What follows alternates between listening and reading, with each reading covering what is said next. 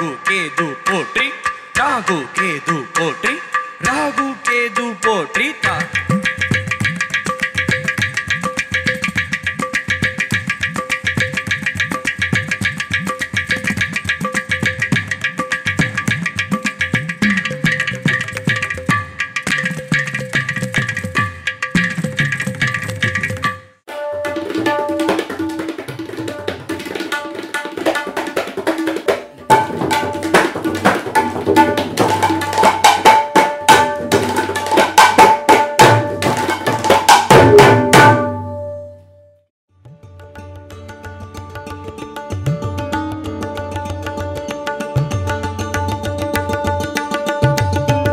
Om Swastiastu. Dewa Siwa adalah yang paling agung dari semua dewata, karena beliau rohani sepenuhnya, tidak dicemari oleh sifat-sifat material.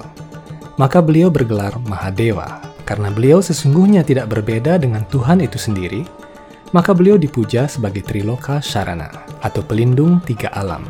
Dewa Siwa adalah ekspansi Tuhan sendiri. Di alam material, Dewa Siwa memiliki banyak wujud. Di dunia rohani pun, beliau berwujud sada Siwa yang agung, yang berstana di Siwa Loka atau Kailash. Saktinya adalah Durga Dewi atau Uma, yang adalah penguasa tenaga material. Karena itulah beliau disebut Mahamaya.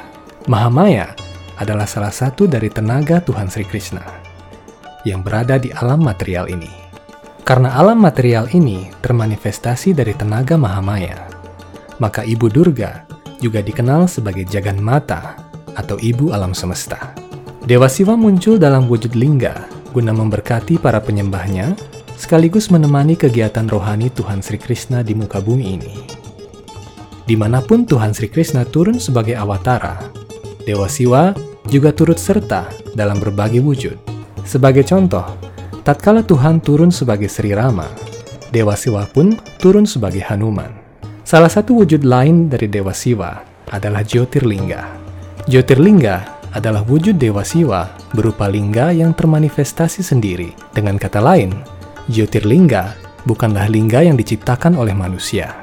Di bumi ini, terdapat 12 lingga utama atau 12 Jyotirlingga yang merupakan wujud rohani dari Dewa Siwa yang tersebar di Baratawarsa. Masing-masing lingga utama tersebut memiliki kisah ajaibnya tersendiri. Dalam video Hindu Times kali ini, kita akan bertualang dan bertirtayatra ke tempat 12 Jyotirlingga yang sangat mulia itu. Video ini dibuat dengan proses yang cukup panjang dan dari sumber-sumber yang keabsahannya dapat dipertanggungjawabkan. Kami senantiasa mengundang Anda untuk mengklik tombol like dan subscribe, sebab setiap like dan subscribe yang Anda berikan adalah sumbangsih bagi Hindu Times Channel dalam memperluas jangkauan kami dalam menyebarkan kabar Dharma. Anda juga dapat berpartisipasi dengan cara mengajukan pertanyaan lewat kolom komentar atau official Instagram kami. Pertanyaan yang terpilih akan dijawab dalam episode podcast Hindu Times.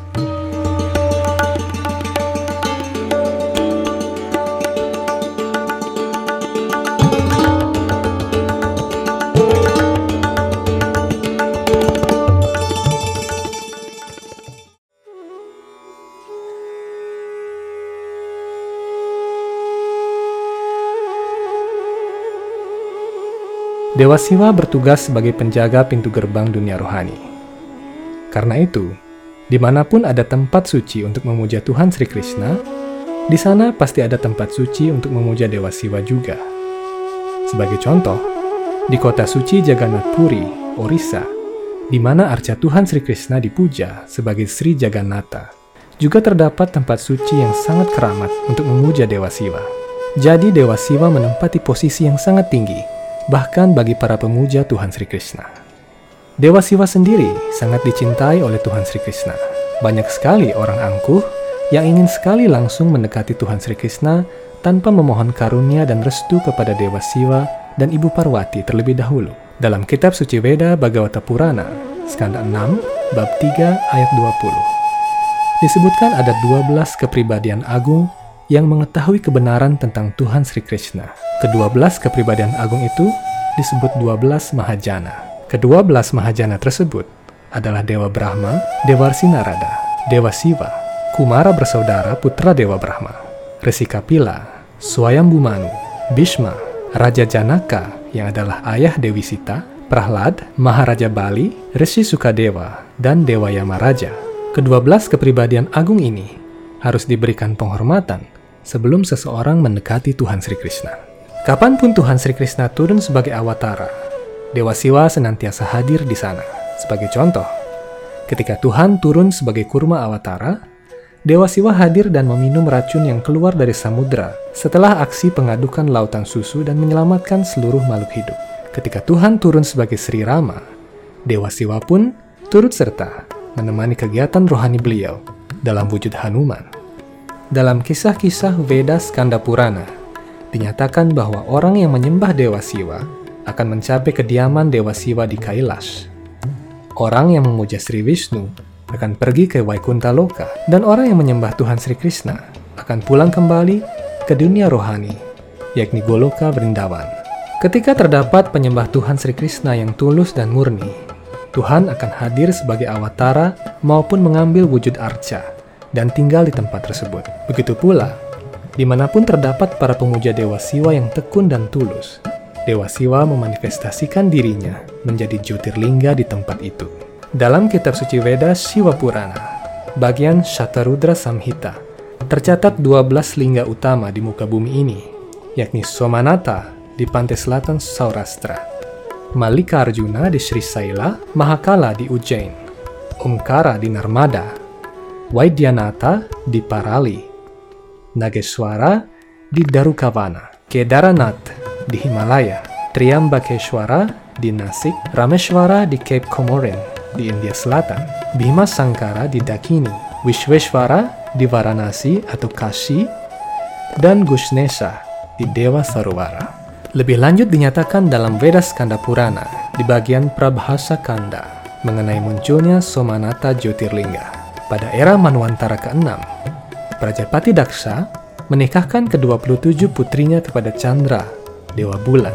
Semua istri Dewa Chandra menempati bintang di angkasa yang dikenal sebagai Naksatra. Akan tetapi, Dewa Chandra hanya mencintai Rohini. Ke-26 putri yang lain merasa diabaikan dan mengadu kepada Prajapati Daksa. Daksa mencoba menasihati Chandra, namun ia gagal. Dengan marahnya, Prajapati Daksa mengutuk Dewa Chandra agar ia terserang penyakit dan memudarkan cahayanya yang lembut. Inilah awal mula mengapa porsi sinar bulan senantiasa berubah setiap hari. Chandra meminta bantuan pada Dewa Brahma.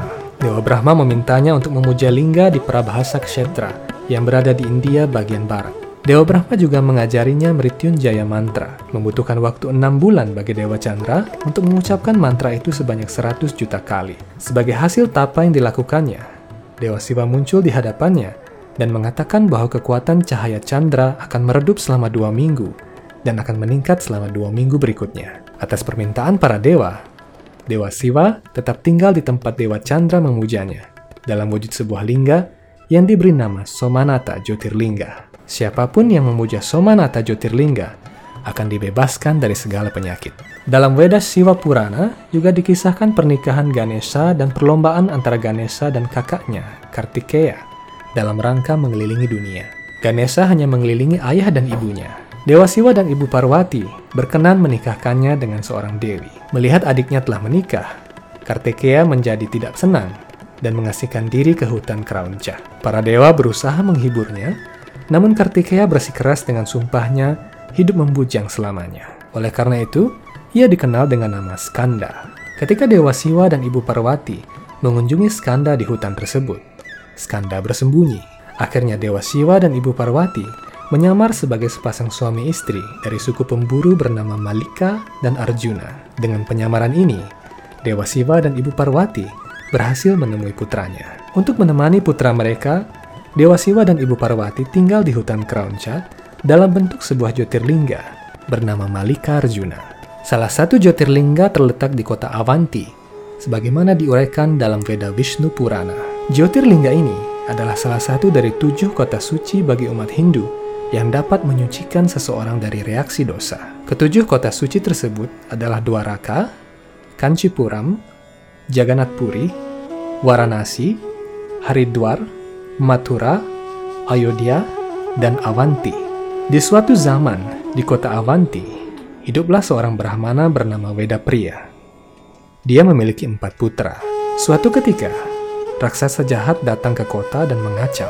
Orang-orang meminta perlindungan pada keempat putra dewa pria. Walaupun mereka sedang melakukan pemujaan kepada Tuhan, mereka bisa mendengar keluhan orang-orang yang datang pada mereka. Mereka meminta orang-orang untuk memuja Dewa Siwa dan memohon keselamatan.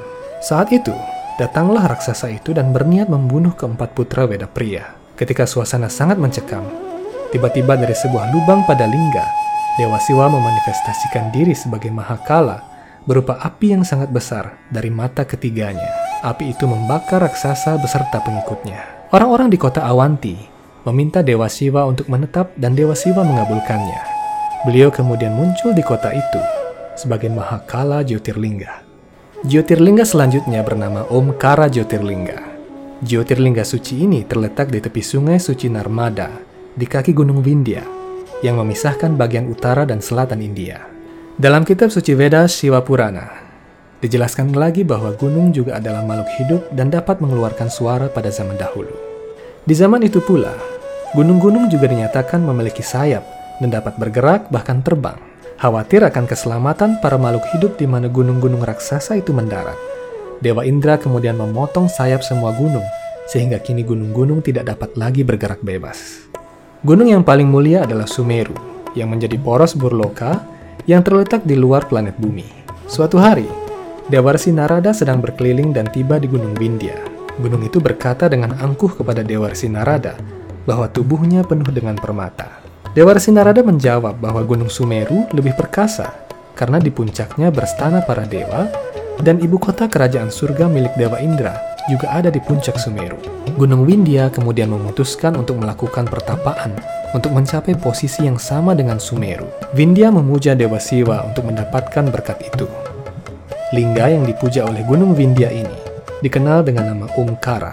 Berkat lingga ini, Gunung Vindhya mendapatkan reputasi yang sama dengan Sumeru.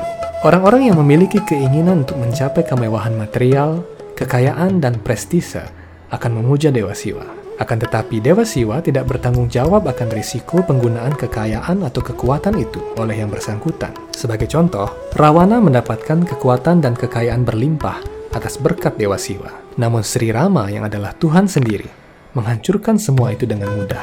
Berkat dari para dewa bersifat sementara, namun berkat dari Tuhan bersifat kekal abadi. Pada zaman Treta Yuga, Dewa Siwa memberikan Rawana sebuah lingga dan memintanya untuk tidak meletakkannya sebelum mengelilingi Lanka. Dengan membawa lingga ini di tangannya, Ravana mengelilingi Lanka. Para dewa mulai khawatir, karena jika seorang raja Asura sampai menanam siwalingga di istananya, maka itu menjadi pertanda yang buruk. Biasanya, para Asura akan meminta berkat-berkat material kepada Dewa Siwa. Seringkali berkat-berkat itu ditujukan untuk mengalahkan para dewa. Akhirnya para dewa meminta Ganesha untuk melindungi mereka. Ganesha mengambil wujud gembala laki-laki yang menghadang Ravana. Tiba-tiba Ravana pada saat itu ingin membuang air kecil dan menyerahkan lingga di tangannya kepada gembala laki-laki tersebut. Ganesha dalam wujud gembala itu menaruh lingga ke dalam telinga sapi dan pergi begitu saja. Sekembalinya Ravana, ia sangat marah dan berusaha menarik lingga tersebut tetapi gagal. Akhirnya Dewa Siwa tetap tinggal di sana bersama para dewa dan para resi. Tempat ini diberi nama Gokarna Kshetra. Suatu ketika, sepasang naga bernama Daruka dan Daruki memuja Ibu Parvati. Sebagai berkat atas pemujaan mereka, naga tersebut dapat memindahkan hutan Daruka sekehendak hati mereka. Daruki memindahkan hutan ke tengah lautan dan mulai menculik orang-orang untuk dibawa ke sana. Salah satu yang mereka culik adalah Supriya, seorang Brahmana penyembah Dewa Siwa. Kisah makhluk naga dari planet lain sering menghiasi ranah konspirasi masa kini, di mana disinyalir makhluk-makhluk naga telah datang ke bumi dari planet Patala dan menyamar menjadi manusia. Kisah kesaksian penculikan oleh makhluk luar angkasa pun sering melibatkan sosok makhluk berupa manusia namun bersisik ular. Rupa-rupanya, sejak zaman Weda, makhluk ini telah menjadi pelaku tindakan kriminal antar planet.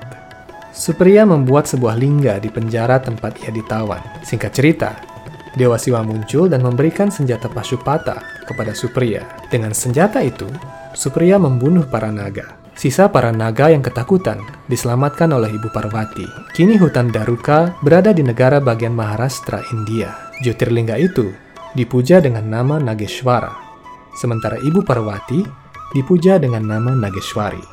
Dalam setiap zaman, Tuhan Sri Krishna turun sebagai Yuga Awatara atau inkarnasi yang menetapkan tata cara agama sesuai dengan zaman itu.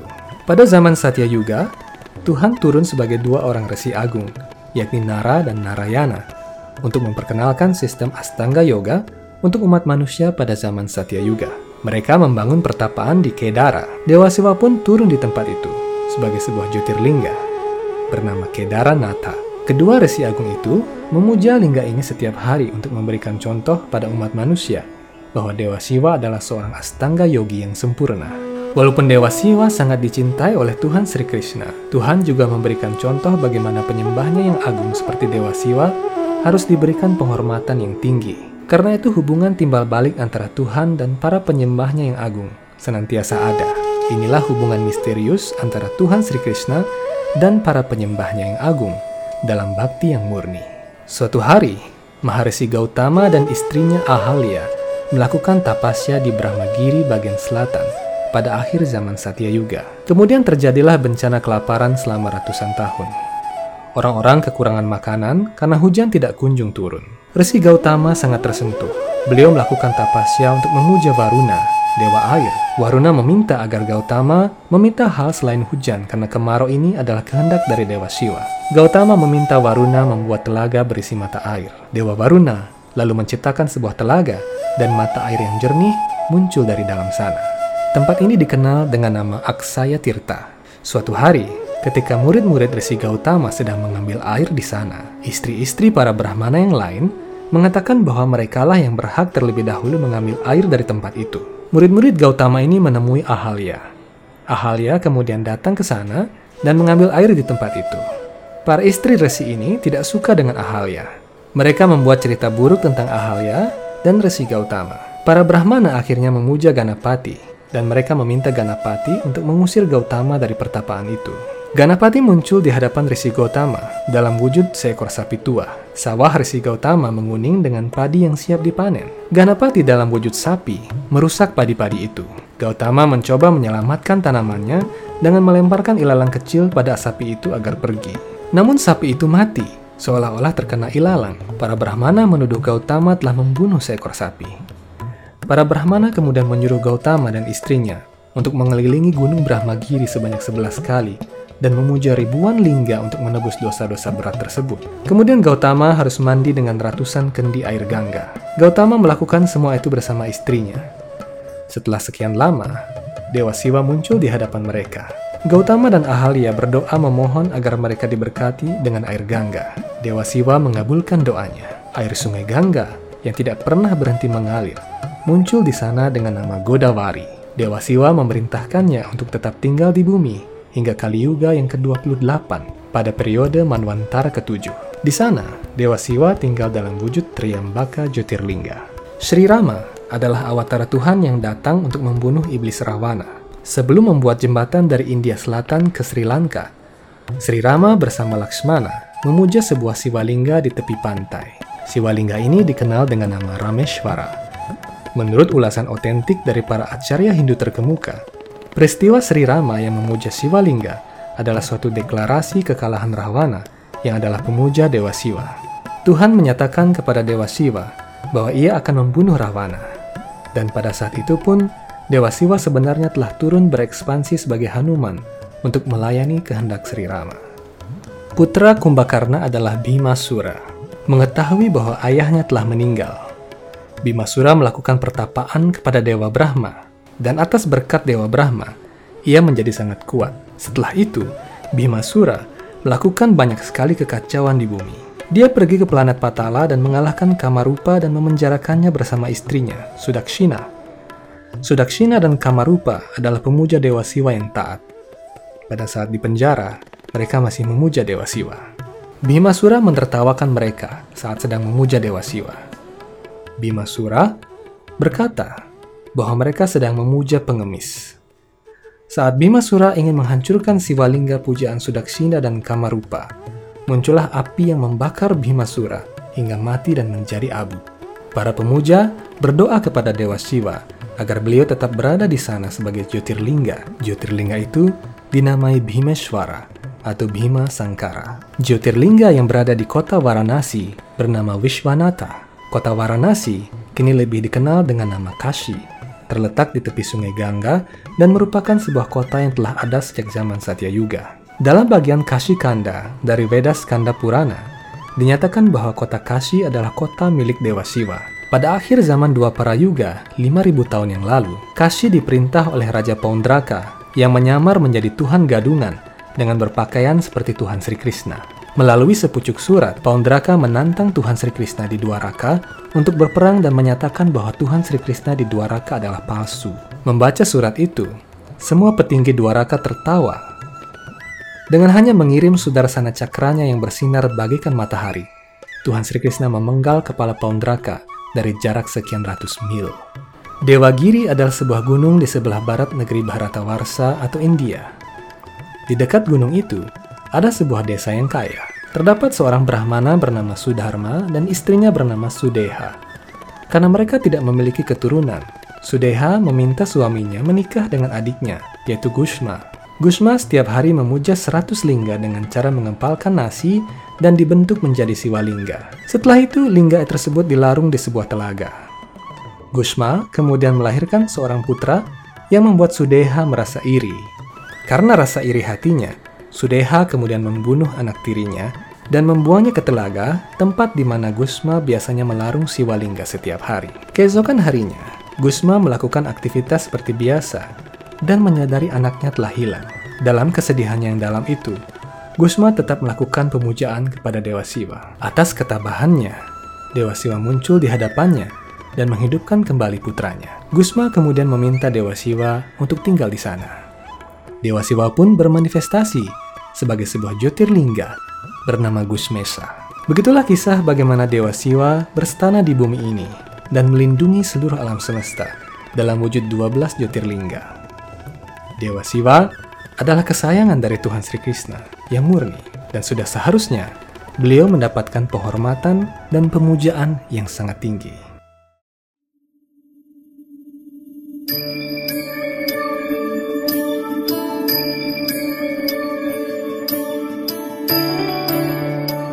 Sampai jumpa di episode-episode yang akan datang, tentunya juga dengan deretan informasi yang semakin berkembang dan menarik untuk diikuti.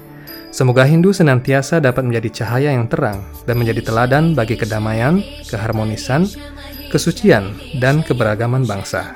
Om Santi, Santi, Santi, Om.